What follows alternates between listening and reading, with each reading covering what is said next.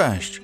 Szukasz informacji związanych z budżetem domowym, finansami osobistymi, oszczędzaniem pieniędzy, inwestowaniem w swoją lepszą oraz spokojną teraźniejszość i przyszłość? Dobrze trafiłeś.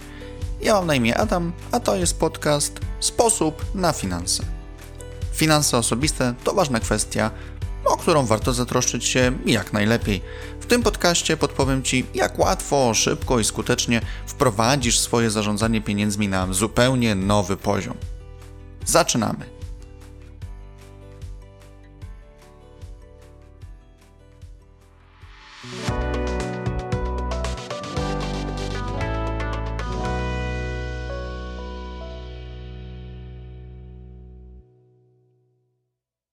Witam Cię w kolejnym 23 już odcinku podcastu, w którym porozmawiamy o finansach w związku. Przeważnie trudno rozmawia się o pieniądzach.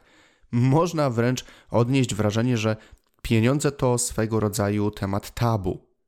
A jak się ma sprawa, jeśli do tego dochodzą jeszcze wspólne finanse w związku? Przedstawię Ci kilka przemyśleń i pomysłów odnośnie prowadzenia wspólnego budżetu i podpowiem, w jaki sposób omawiać finanse w związku, by pieniądz nie stał się przysłowiową kością niezgody. Zapewne nie wynajdę koła na nowo, stwierdzając, że finanse w związku powinny być oparte przede wszystkim na spójności, zgodzie, ludzkim dogadaniu się i kompromisach. Ciężko będzie dać uniwersalną receptę na to, jak się we wszystkim dogadać i mieć totalnie luźne, niezmącone niesnaskami życie związkowe.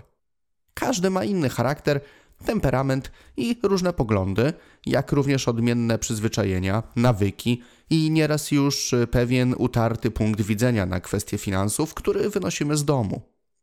Dlatego też tak ważne jest, by nie tkwić twardo w swoich poglądach, a otworzyć się choć troszkę na dialog i inny punkt widzenia. Nie chodzi mi o to, by totalnie swoje własne zdanie ignorować, ale by dać szansę, aby każda ze stron mogła swoją wizję wspólnych finansów przedstawić.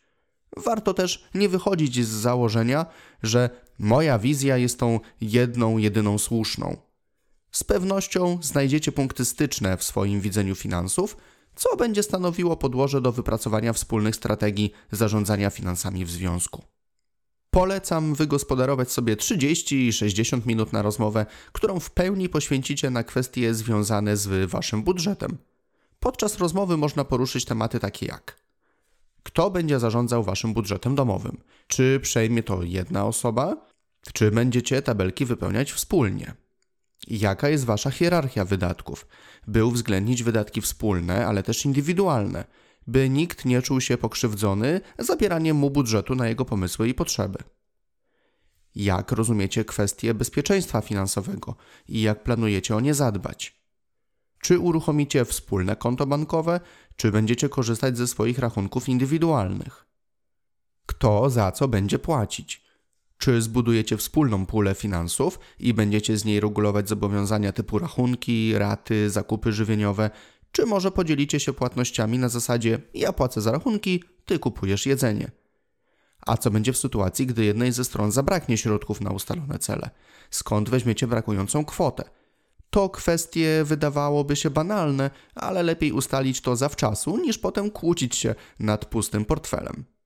Czy przyjmiecie jakieś wspólne cele oszczędnościowe, czy oszczędzaniem pieniędzy każdy zajmie się indywidualnie, wedle swoich potrzeb i założeń? A może połączycie obie te strategie? Jakie macie podejście do zadłużania się i jak chcecie uniknąć zbytniego obciążania się kredytami wszelkiej maści? Jak widzicie swoją przyszłość finansową, czyli na przykład zabezpieczenie swojej emerytury, możliwości zwiększania dochodów?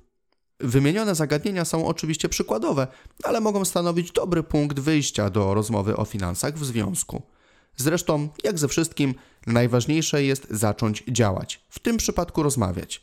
A jeśli będziecie się nawzajem słuchać i próbować znajdować kompromisy, to w kwestii budżetu domowego z pewnością wypracujecie najlepsze dla Was rozwiązania. My przyjęliśmy zasadę prowadzenia wspólnego konta, które służy do wykonywania rozliczeń bieżących. Płacimy z niego za raty, rachunki, zakupy wszelkiego typu ale każdy z nas ma również konto prywatne, gdzie trzymamy swoje drobne środki na nasze potrzeby. W kwestii oszczędzania również działamy wspólnie. Tworzymy cele oszczędnościowe oraz konsekwentnie próbujemy je realizować. Jednak każdy z nas ma też swoje prywatne konto oszczędnościowe i tam trzyma nieco grosza na własne wydatki. W zakresie zabezpieczenia naszej przyszłości również działamy razem. W planach jest uruchomienie puli oszczędnościowej typowo na gromadzenie środków na emeryturę. Staramy się wspólnie wszystkie kwestie finansowe planować i realizować. Dodatkowo uruchomiliśmy odpowiednie polisy na życie, by zapewnić sobie komfort psychiczny w naszej finansowej teraźniejszości. Dzięki temu nasze finanse w związku mają się dobrze, są stabilne oraz dają nam poczucie bezpieczeństwa i zrozumienia. Jednocześnie możemy zachować sobie nieco niezależności, dysponując zbieranymi na prywatnych kontach środkami. Finanse w związku nie będą mogły działać prawidłowo, jeśli nie będą oparte na konkretnych, jasnych, zrozumiałych i obopólnie akceptowanych zasadach.